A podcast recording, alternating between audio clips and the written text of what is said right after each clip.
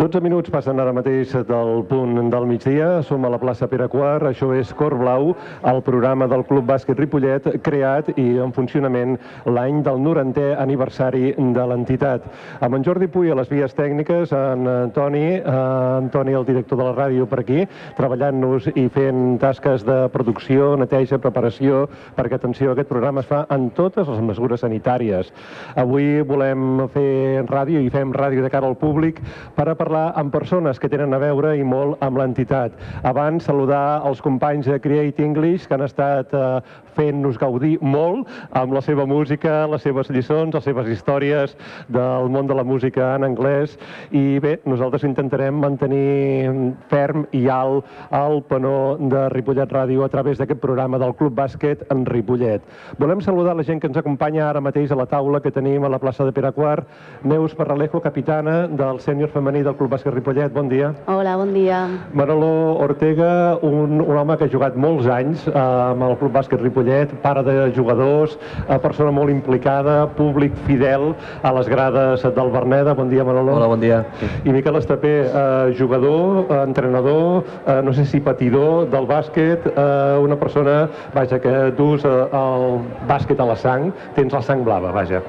Sí, molt bon dia, sí. Molt bon dia. Amb ells volem comentar una mica com tenim l'entitat. Abans, però, permeteu-me una petita informació. L'equip eh, començarà la temporada al cap de setmana del 25 i 26 de setembre. Els diversos, vaja, el club, els diversos equips de l'entitat treballaran justament en aquestes, en aquestes dates, començaran a competir i eh, dir que la intenció és que ho facin sis equips, sis equips del Club Bàsquet Ripollet, dos femenins i quatre masculins.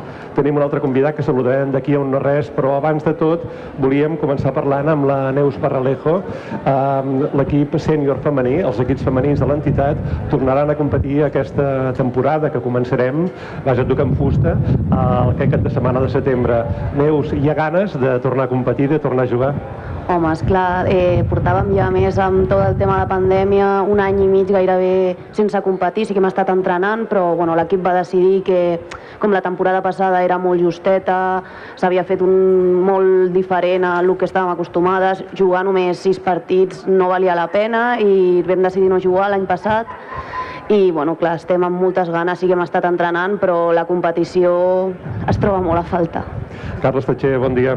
Hola, bon dia, què tal? En Carles Tatxer, exjugador, eh, entrenador de diversos equips de l'entitat, no sé si pare de jugadors o jugadores, però una persona que també té la sang blava, que tu el bàsquet l'has viscut i el vius tota la teva vida, no? Sí, sí, sí. molt bé, molt bé. Gràcies, en Carles, i a tots, evidentment, els que sou aquí acompanyant-nos aquest matí a aquest estudi al carrer de Ripollet Ràdio. Manolo Ortega, tu que has jugat eh, molts anys al bàsquet Ripollet, el fet de no poder jugar, perquè hi ha hagut alguna interrupció aliena al club, eh, creus que condiciona o pot condicionar l'equip a l'hora de rendir a la pista o no? És una qüestió de mentalitat No. i sortir a jugar. Sí, es mentalidad. Me parece, mm, ha sido duro, porque ha sido un año duro. Primero hay que felicitar a todos los equipos del Ripollet que no han tenido competición y han entrenado todos los días, que eso sí que es duro. Entrenar todos los días para no poder jugar, pues es, es fuerte, ¿no? Pero aparte de eso, bueno, pues es mentalidad y me imagino que son las ganas que tienen de jugar. Me imagino que como todos los equipos, Ujú. con muchísimas ganas de empezar. Molt bé. Uh, Miquel Estapé, uh, tu has estat entrenador, o jugador i entrenador. Abans de començar el programa ja comentaves anècdotes de la teva època de jugador, sí. que potser després uh, repescarem i comentarem en públic, però mantenir aquest ritme, aquestes ganes de jugar, aquest uh, estar a la pista i donar-ho tot, això és una tasca que feu l'equip tècnic uh, de qualsevol club, uh, de qualsevol equip. Uh, això costa, no? I més quan tens davant una paret que no pots franquejar, com pot ser la Covid.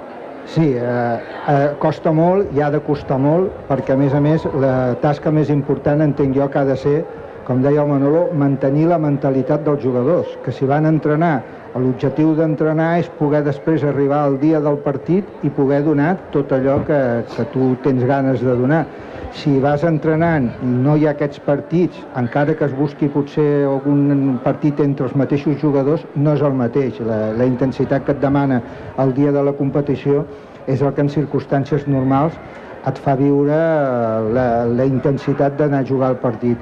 amb aquestes circumstàncies, doncs, com deia Manolo, tots aquells que han entrenat, que han tingut eh, la disciplina, diguem-ho així, d'anar cada dia... L'objectiu era que arribés el moment, i esperem que sigui aviat i esperem que sigui en millors circumstàncies, el moment de jugar.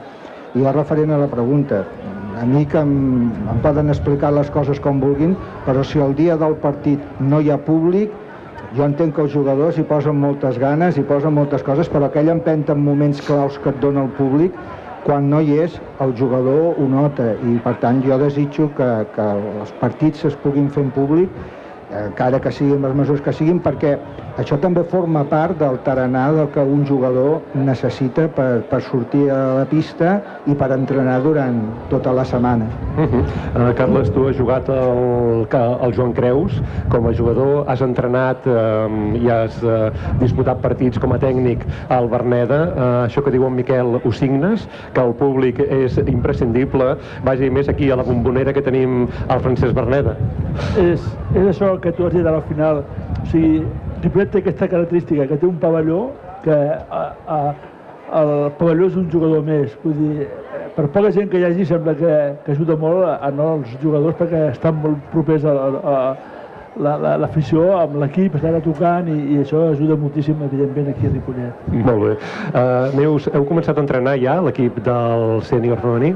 Eh, comencem dimarts, eh, oficialment tot l'equip junt, però sí que ja hem començat les tasques, ens han ficat deures. Un parell de setmanes hem hagut ja de fer una preparació que, bueno, eh, que al final cadascú fa i desfà el que pot també perquè estem en una època que si estàs de vacances, però bueno, sí que intentar assegurar que arribes amb un mínim de físic per no haver d'estar treballant tant el físic aquells dies i ja començar més amb, amb la part més tècnica, ja que a més aquest any es comença bastant d'hora amb el que estàvem acostumats als darrers anys. 27 de setembre no, no queda tant, per així dir-ho.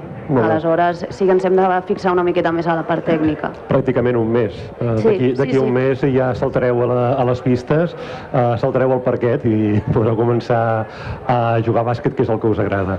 Uh, Manolo, la part física d'un entrenador, d'un jugador, d'una jugadora, això és essencial. Sabem, per exemple, que l'únic equip que està entrenant fins ara és el sènior masculí, però està bé físicament, uh, vaja, no sé si quin percentatge és del rendiment de l'equip, però a banda de la banda mental, la banda física és molt important. Importantísimo.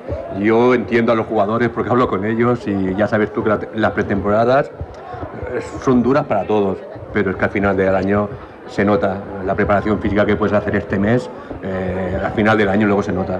Entonces es importantísimo, ya sabemos que las pretemporadas son duras, son todos los días de entrenar, de agujetas, de dolor de pies, de ampollas, pero bueno, al final, a la- a- a- a lo que es a lo largo del año, pues se tiene que hacer. Uh -huh. uh, Carles, de l'època que tu jugaves i entrenaves um, a l'actual, ha canviat molt el, el disseny de les pretemporades i, i les temporades. Per exemple, em refereixo als, als tècnics, els equips tècnics, cada vegada són més amplis. Uh, hi ha des de l'entrenador, el preparador físic, el segon entrenador, el tercer entrenador, uh, hi ha molta gent. no, no, vull dir que el, el, el, el Falta Ripollet- banqueta, el-. Clar, clar, és que, de vegades mires, mires allò a la banqueta del sènior masculí i veus una pila de gent allà, no? Uh, no ho sé, si això, com, com ho veus tu, que hi hagi cada vegada més gent eh, de suport tècnic? Uh, creus que complica les coses, les facilita? Home, evidentment, eh, si es fa és per fa- facilitar les coses. Evidentment, un entrenador té que tindre nocions de, de diverses coses, però si hi ha, en aquest cas, preparador físic que és especialista en, en preparació física, eh, eh, està molt, molt bé que estigui aquí, perquè els, els entrenadors pues, no poden tindre tantes capacitats de, de coneixement com, com, com d'això. I l'altra cosa és, és també, es té que remarcar, quan, quan més a categoria més superior jugues, eh, aquestes coses són ja més imprescindibles. Vull dir, estem a un pas de, de, de categories que hi ha de quasi, quasi ser professionals, evidentment, la preparació física és, mm, i aquests jugadors que juguen en aquesta categoria ho saben, que, que es té que passar, i, i si no ho passen és que evidentment no estan per a la borda de la categoria que estan. Uh -huh. no, no, fins a arribar a coses com, per exemple, que els jugadors de la NBA, que juguen tres partits per setmana, doncs tenen preparació específica per poder suportar els cops, el cansament, vull dir que, que hi ha, i fins i tot que alguns tenen preparadors personals, vull dir que és una Más, cosa... Es que se retiran muchísimo más tarde los jugadores. Cuando yo jugaba, con 26 años, 27, la gente se jubilaba.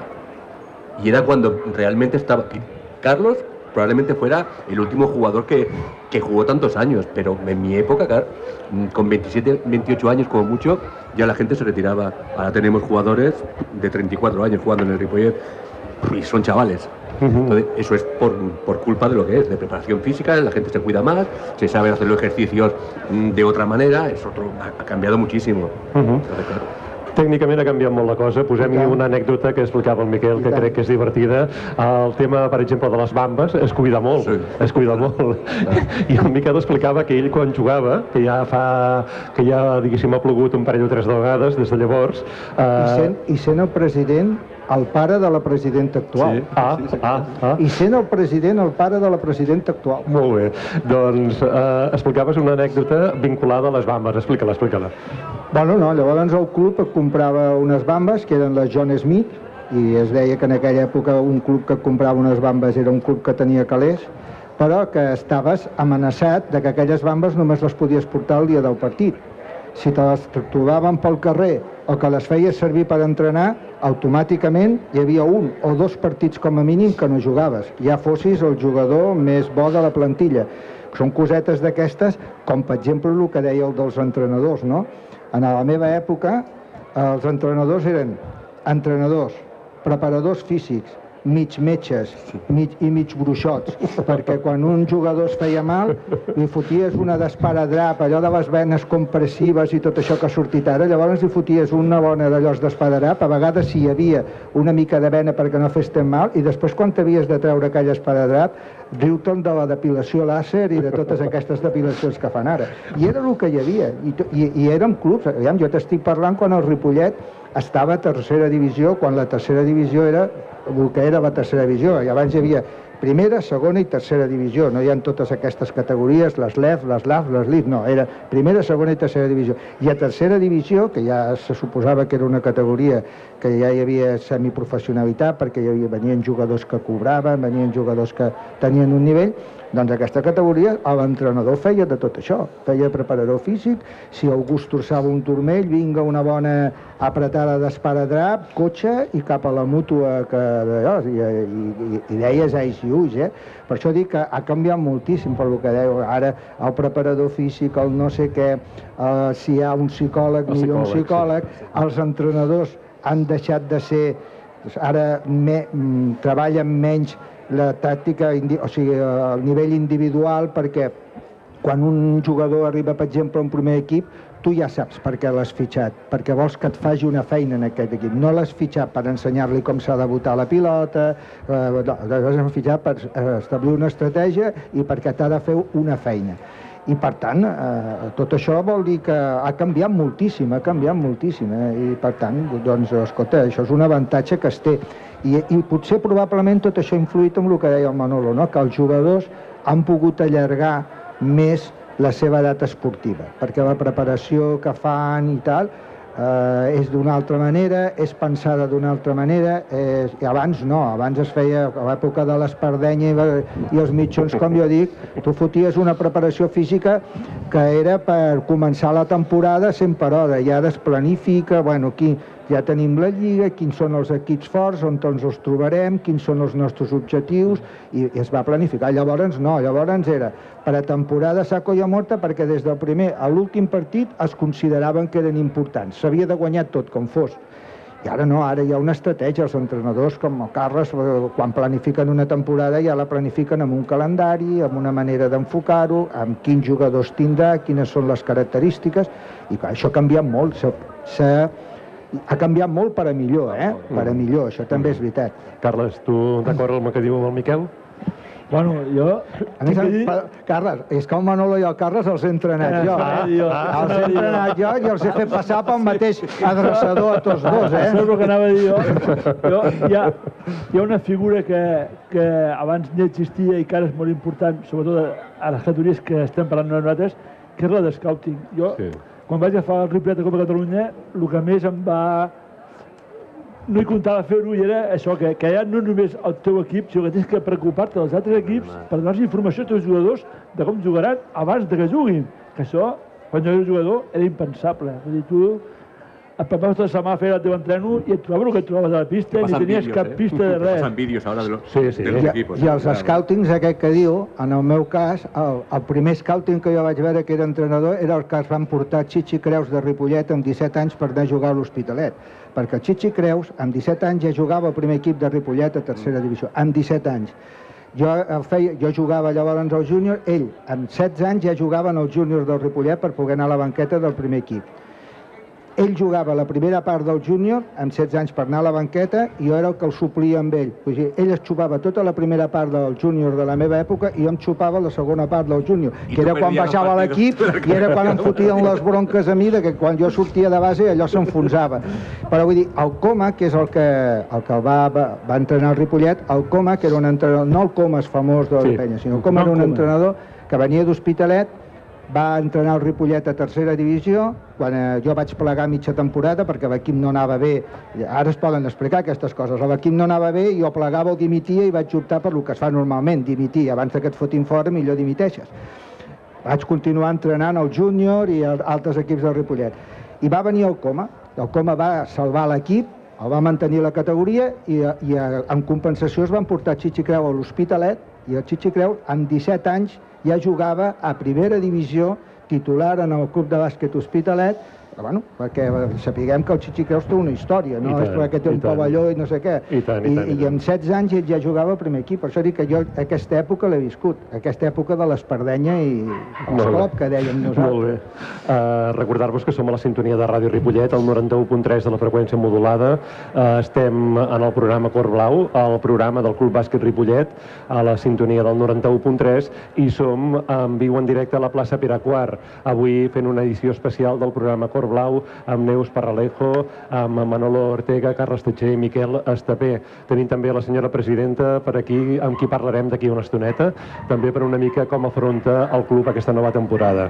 Uh, Neus, aquestes històries les coneixies, no les coneixies, alguna cosa sabies? Bueno, alguna coseta tam sí, perquè també, bueno, al final Ripollet és un poble i et vas enterant de cosetes, jo també, el meu tiet també va jugar al, fa molts anys al, al club i bueno, sí que el típic al Nadal surten sempre alguna història i bueno, és divertit, la veritat, saber una miqueta més de com va començar tot o quan t'expliquen també com va començar el femení o és, bueno, jo crec que està bé que els jugadors actuals coneixin una mica la, la història de com, va, de com va començar tot i, i bueno, com ha anat evolucionant i, i des de com va començar com està ara i que és, que és molt complicat i ha estat molt complicat en alguns moments i que no és tan senzill com potser ho pot ser ara. Uh -huh. uh, senzill, uh, suposo que entre cometes, i suposo que la No, jo em referia també més a amb les noies, per exemple, Sí. com ens van Ah, començar, que havien perfecte, començat sí, a sí, sí. jugar, que no els hi deixaven, perquè estava molt lluny la pista, no sé... Uh -huh. Trobes, trobes que al, en el club, en el club bàsquet Ripollet, eh, les dones que volen jugar, les nenes que volen jugar a bàsquet, ho tenen fàcil? Eh, hi ha possibilitat de jugar? A veure, mm, hi, ha, hi, ha, hi ha possibilitat i sí que és fàcil sempre que hi hagi un grupet. És complicat mm, si tens una certa edat i aquella edat justament no hi ha un mínim de noies que vulguin jugar. Al final és més complicat trobar un grupet de noies que de nois, per, perquè mm, de sèrie mm, hi ha menys, menys noies jugant. Mm, Jo, per exemple, hi va, va haver-hi un parell d'anys que no vaig jugar a Ripollet perquè no hi havia equip, no perquè no volgués jugar a Ripollet, perquè hi havia menys noies, al final, bueno, pues, al- algunes que havíem jugat abans, vam, algunes que van pujar més petites, vam aconseguir tornar a fer equip, però clar, no depèn d'una jugadora o d'un club, sinó també depèn una miqueta del, del que hi ha al voltant teu i si hi ha un grup que pugui tirar endavant. Uh -huh. fem, fem la falca, va. Uh, què t'ha aportat a tu uh, al bàsquet i què li diries tu a una nena, a una dona, a una jove, perquè jugui a bàsquet? A veure, el, per mi el bàsquet eh, ha sigut... mm, Bueno, jo jugo des de que tinc 6 anys a bàsquet. Jo no...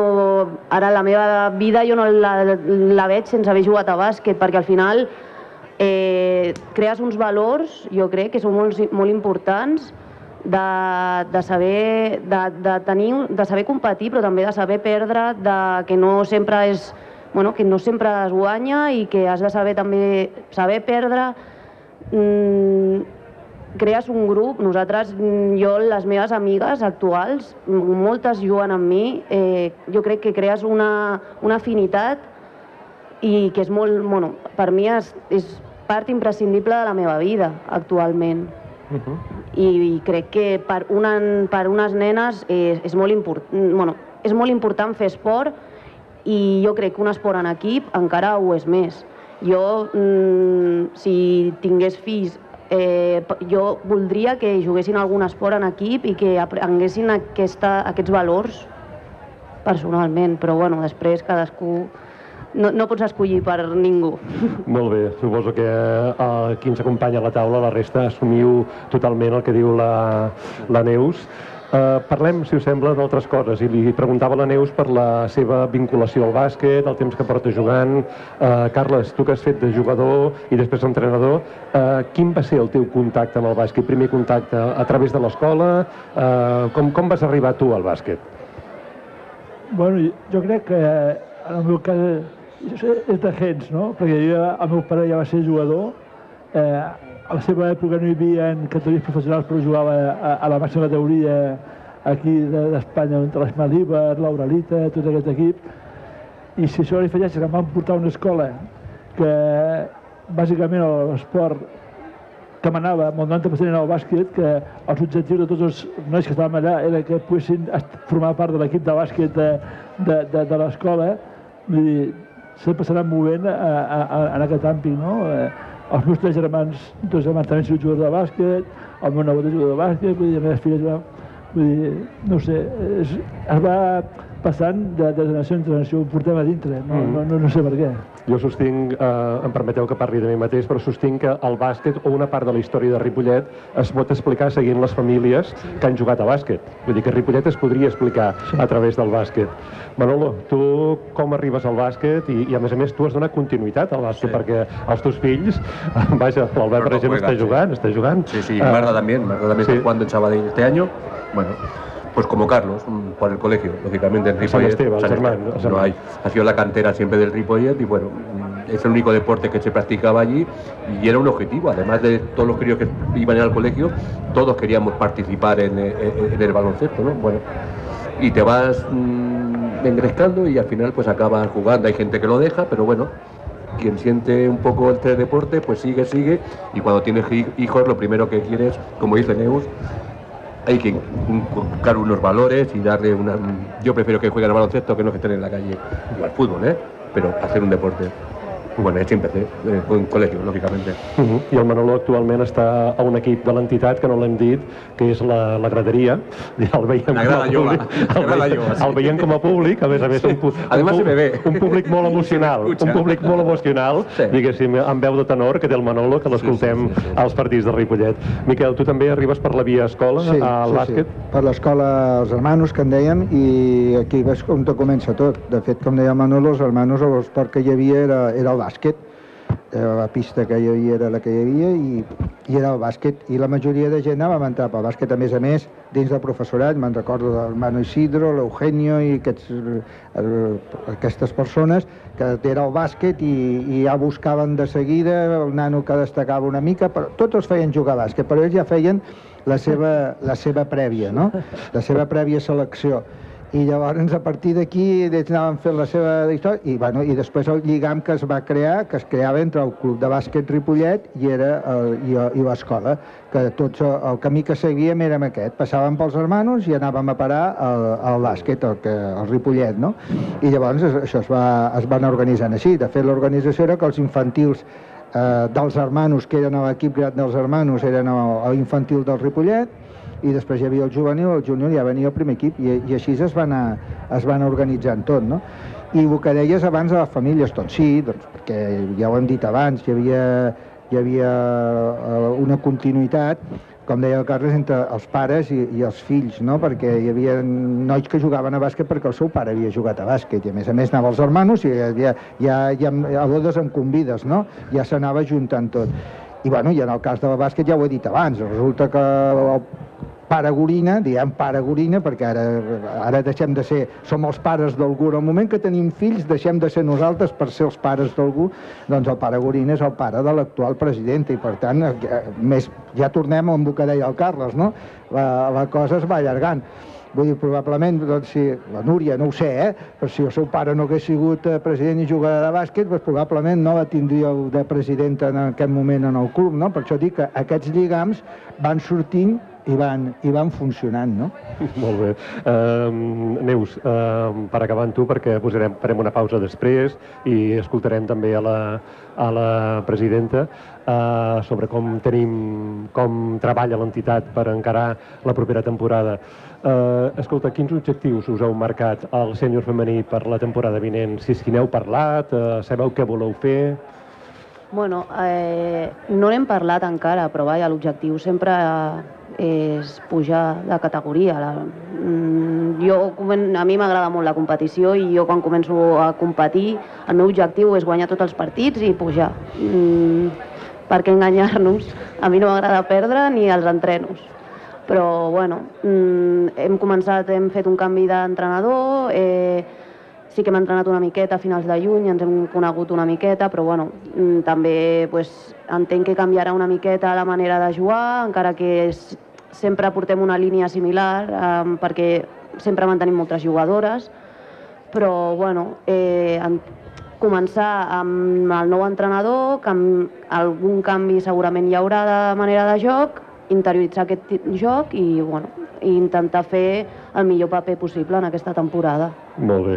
I des d'aquí animar a tothom que conforme es pugui per les mesures sanitàries la gent acompanyi també el sènior femení perquè hi ha aquest jugador número 6 que sempre és necessari, la bombonera del Berneda, doncs que a mesura del que sigui, amb la gent que sigui, facin costat al sènior femení, els guits femenins també de l'entitat, que n'hi ha, n'hi ha dos i esperem que n'hi hagi molts més al Club Bàsquet Ripollet. Uh, Carles, uh, aquest any és l'any del 90è aniversari del Club Bàsquet Ripollet.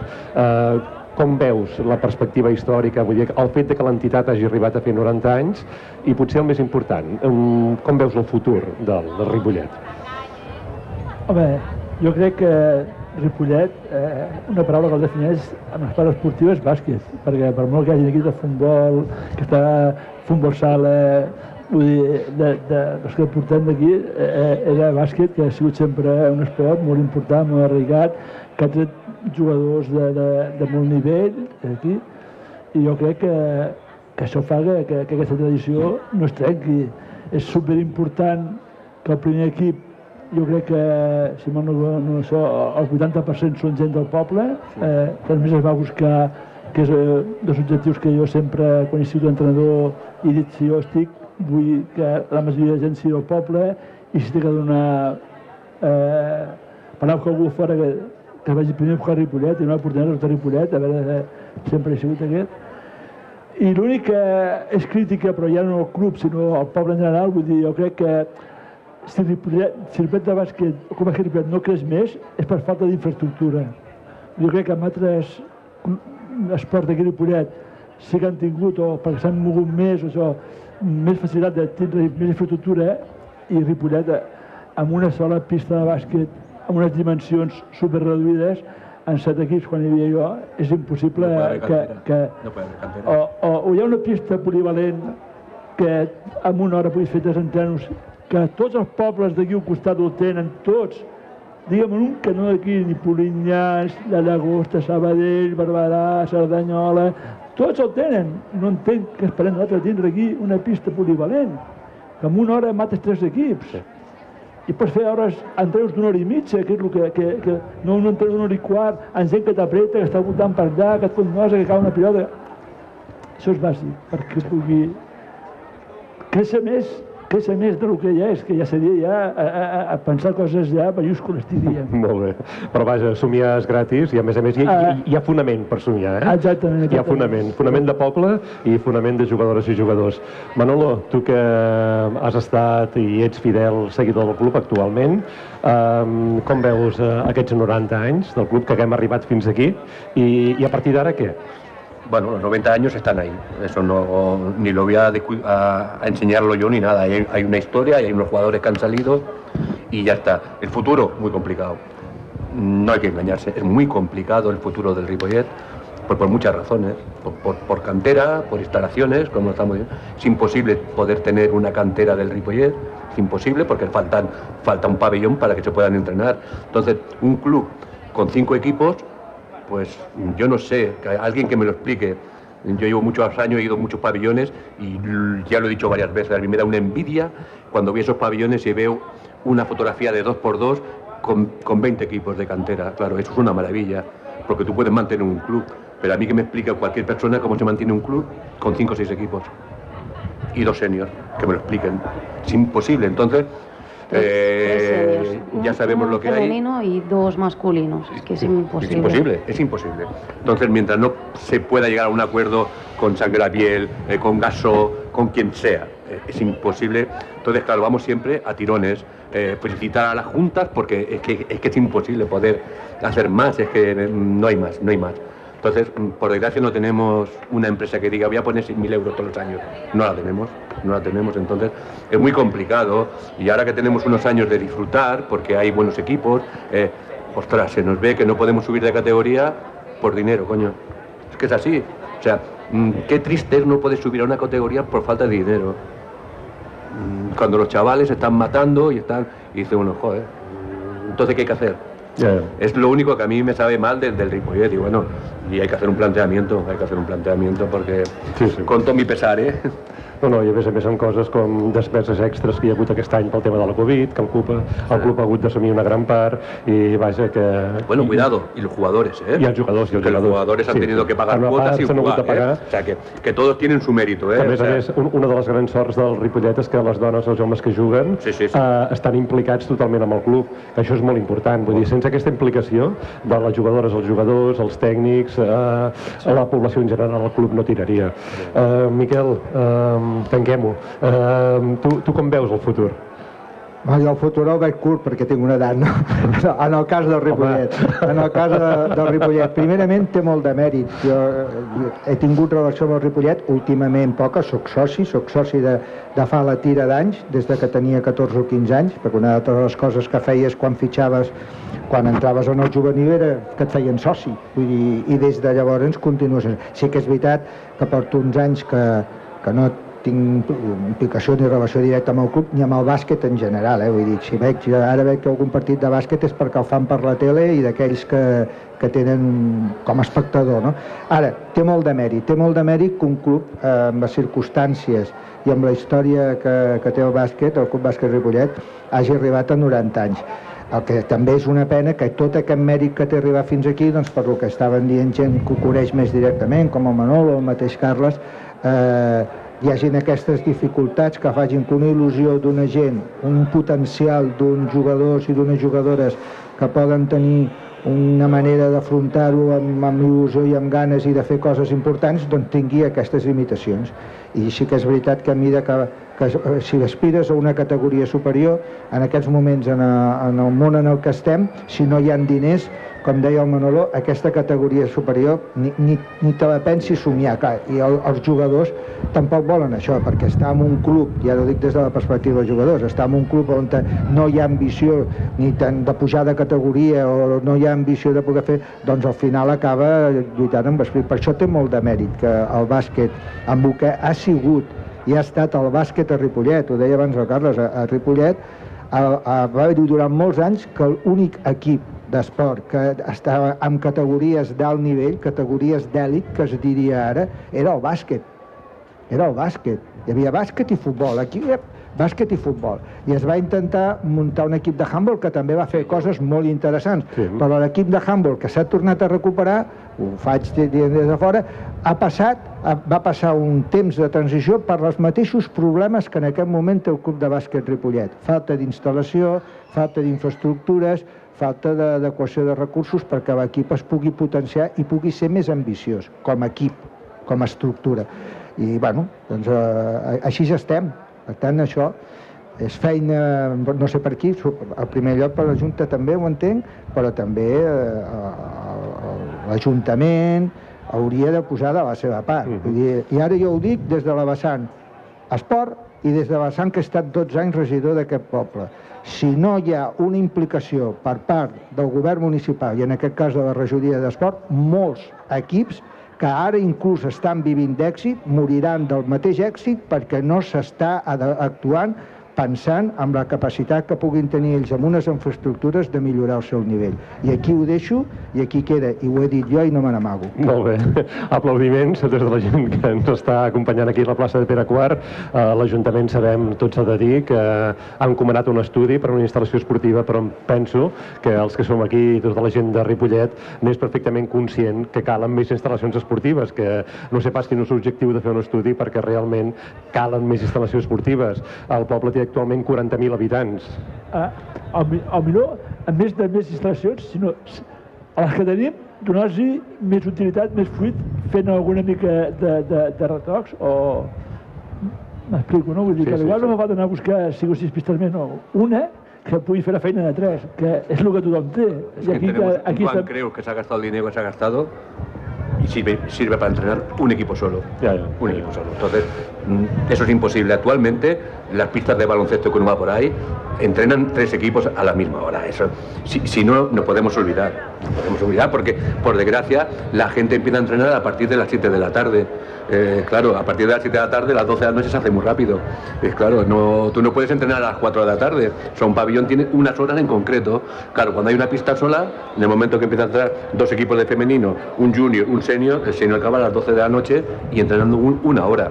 Pero no solamente en el, en el, en el baloncesto, me imagino que el fútbol sala estará igual y el balonmano estará igual, ¿no? Entonces, eh, eh, no es decir solamente es el baloncesto, pero claro, nosotros, ¿por qué no? Estamos hablando del baloncesto pero, pero en todos igual, ¿no? La solución, no lo sé. No lo sé si es invertir un pabellón nuevo, eh, modificar lo que tenemos, eh, no lo sé, no lo sé. Però... No, Deixem-ho aquí, eh, sí. hi haurà gent que haurà de treballar eh, per solucionar-ho. Neus Parralejo, Manol Ortega, Carles Tetxer, Miquel Estapé, moltes gràcies per haver-nos acompanyat avui en aquest programa especial des de la plaça Pere Quart. Eh, posem una mica de música i després parlarem de res minuts amb la presidenta, amb la Núria Gorina.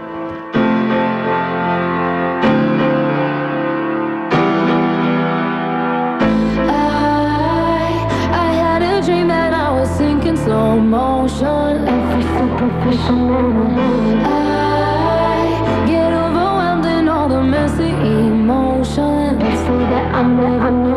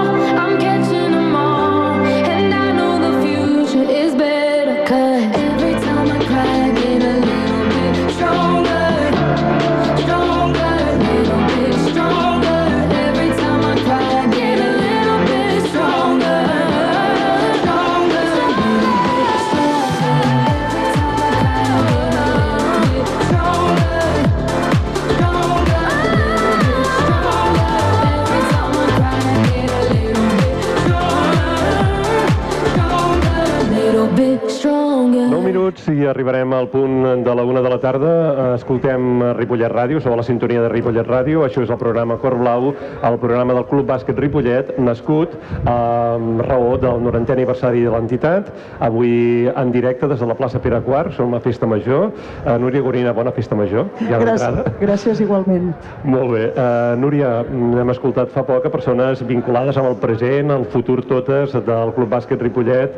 Uh, què t'ha semblat el que s'ha sortit, el que s'ha comentat? Molt bé, molt bé, m'ha agradat moltíssim. A més a més hem fet molta feina reivindicant coses que des del club sempre estem reivindicant i la veritat, tenir aquestes persones al nostre costat també fa que vulguem tirar endavant no, el dia a dia, que com molt bé ells han dit, és un club esportivament i econòmicament difícil. Molt bé. Escolta, uh, som a un mes, si fa no fa, que comenci la propera Lliga. Uh, com, com encara el Club Bàsquet Ripollet aquesta Lliga 21-22? Home, doncs la veritat és que amb molta il·lusió, perquè sí que l'última temporada el Copa sí que va competir, però els altres equips no van competir i en canvi van estar entrenant i, i la veritat és que entrenar sabent que no competiràs doncs és, és difícil, no? I en canvi han aguantat molt bé com a club sempre hem intentat que tinguessin les pistes, adaptar horaris, eh, com ja vaig dir en altres programes de ràdio, i bé, doncs ara s'han de els, recollir els fruits i esperem que puguem començar a competir tots els equips eh, aquest mes de setembre. No? Hem de comptar que començarem amb, seguint el protocol Covid, vull dir, no ens oblidem d'això. I bé, suposo que una setmana abans o uns dies abans sabrem quin serà l'aforament del Berneda de moment no ho sabem encara. Uh mhm. -huh. És a dir, que la gent que vulgui anar a veure jugar als diversos equips que ho sàpiga, que hi haurà doncs, aquestes restriccions sanitàries i, i bé, que s'anirà informant. Eh, suposo que el club també rebrà la informació de la federació sí. i llavors s'anirà transmetent aquesta informació perquè la gent, qui vulgui, doncs, pugui assistir-hi. Qui i, vulgui i pugui. Exacte, i haurem de fer, doncs, com vam fer aquests últims aquests partits que ha jugat el Copa, Eh, donarem prioritat als socis, trucarem als socis, potser pengem alguna manera per fer-ho per xarxes perquè així potser sigui més àgil, no ho sabem encara, però sí, sí, suposem que almenys el, el primer, els tres o quatre primers mesos jo crec que l'aforament serà limitat. A més a més, eh, quan es va passar de l'aforament del, crec recordar, del 30 al 50, en el Berneda no es va poder complir això perquè el 50% d'aforament anava en contra d'una altra norma que deia que hi havia d'haver una distància, no sé què. Per tant, ens vam seguir quedant amb el 30% d'aforament, no? Cosa que quan vas per, per altres pobles, doncs, clar, tenen altres pavellons i, i és molt diferent, no? no. Però bé, tornarem a ser-hi, tornarem a fer-ho i mira, no sé, ja ens en sortirem, suposo. Molt bé, ha quedat palès eh, pels comentaris que feien els convidats anteriors que hi ha altres poblacions que tenen instal·lacions eh, en millors condicions i permeten doncs, jugar d'una forma còmoda per, per tothom. I entrenar, i entrenar, perquè l'entrenament també és molt important i, i en canvi el nostre pavelló, el no poder entrenar a, a dos o tres equips a l'hora, doncs eh, ens crea moltíssims problemes, no? Però bé, és el que hi ha i, i, I hem d'aguantar. Sí, s'ha d'entomar i tirar endavant. Sí, Escolta, el, el Berneda no s'engreixa, no, no podem. No. Escolta, una cosa que ha passat eh, de cara a aquesta temporada és que pràcticament els equips repeteixen, eh, hi ha hagut incorporacions, no sé si algunes baixes, però vaja, si han estat eh, aquestes baixes són simbòliques. Vull dir que una mica l'esperit del Club Bàsquet Ripollet eh, encaixa bé en la nostra gent que juga... Sí, sí, però eh, tal com vaig dir l'altre dia en el, en el programa que em vas fer també, recordem que han perdut un equip sencer, eh? femení, el SOTS 25 femení, eh? Vull dir, l'han perdut i de moment no l'han recuperat. És a dir, eh, la temporada passada havíem de començar amb tres equips femenins i, aquesta, i comencem aquesta amb dos equips femenins. Per tant, és una tasca que, que la Junta s'ha posat i el nou coordinador, sobretot, amb rescatar eh, jugadores perquè, home, no ens podem permetre el luxe de, mai de perdre un equip, però la veritat, si és femení, eh, em sap molt greu. El coordinador, el nou coordinador sí. esportiu del club, que el tindrem, esperem, a la ràdio, el proper programa, avui no ha pogut venir, uh -huh. però vaja que ens expliqui més, eh, diguéssim, la part de la cuina de, esportiva de l'entitat, uh -huh. de com ho planteja, perquè penso que també entrenarà algun equip, i, i vaja, com, quina planificació hi ha pel que fa a la part esportiva de l'entitat. Eh, pel que fa a la part social o la part d'entitat, eh, què n'espera la presidenta i la Junta d'aquesta nova temporada? Home, jo espero que, que com, aquest ulti, com aquesta última temporada el soci respongui també necessitem molta ajuda dels petits comerços de, de Ripollet i, evidentment, eh, com sempre, eh, hem de sortir i buscar-nos la vida per, per aixugar el dèficit amb el que cada any comença el Club Bàsquet Ripollet.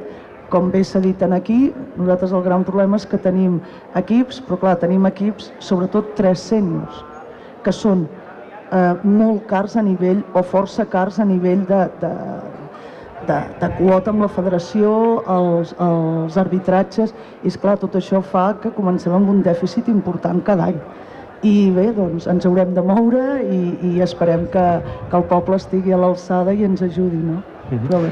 Informació pràctica. Si ara mateix cap noi, cap noia, cap persona que ha estat vinculada al bàsquet i vol jugar als equips del Club Bàsquet Ripollet, encara hi ha possibilitat d'entrar-hi, d'accedir-hi? Estan molt plens ja tots els equips i de moment estan tancats, però ahir, per exemple, vam rebre una trucada d'una noia i nosaltres no... O sigui, la vam atendre, li vam dir en parlem, eh, no sabem si podrà ser que sí o que no, però almenys eh, eh, sempre tenem aquestes trucades, per tant, que ens truquin, que ens truquin, i tant que sí. Molt bé, acabarem parlant de la pedrera del Club Bàsquet Ripollet, de l'Escoleta. Eh, com la tenim? Ja funciona? Començarà aviat a funcionar? Bé, farem, farem dos dies de portes obertes. La veritat és que és un goig veure l'Escoleta perquè en aquests moments crec que ja hi han confirmats uns 20-22 nens. Per tant, aquest any no sabem molt bé com anirà, però estem, estem començant a preparar-nos ja per, per bé, per formar eh, algun equip que pugui competir, però clar, això també represent, eh, necessitem entrenar, que entrenin, no? Per tant, necessitem pista, també. Eh, vull dir que és una mica... és un, un rotllo tot això. Però bé, la veritat és que no ens podem queixar, s'ha fet un pas molt important i necessari pel club, perquè si no el Club Bàsquet Ripollet no té futur. Molt bé, doncs ens quedaríem amb això, esperem que sí que el tingui. Uh, Núria Gorina, una de les poques dones presidentes d'un club esportiu de la ciutat. Algun dia a la ràdio en parlarem, de les dones que presideixen clubs uh, a la nostra vila. Penso que sou tres, dues o tres. Sí, sí. Uh, llavors, un dia, un dia en parlarem a la, a la ràdio de la dona i al món de les entitats. Moltes gràcies, molta sort. Moltes uh, gràcies. I, bé, I nosaltres ho tanquem perquè d'aquí un no res Alberto Castro arriba amb el programa Entre Tots. Uh, agrair la feina a en Jordi Puy, Antoni Miralles, que ens han fet estar molt còmodes a les eh, instal·lacions de Ripollet Ràdio a la plaça de Pere Quart. Gràcies. Moltes gràcies a, a, tot, eh? a tots. Eh? Molt bé. I, I al setembre tornarem a, a la sintonia normal als estudis de Ripollet Ràdio. Moltes gràcies.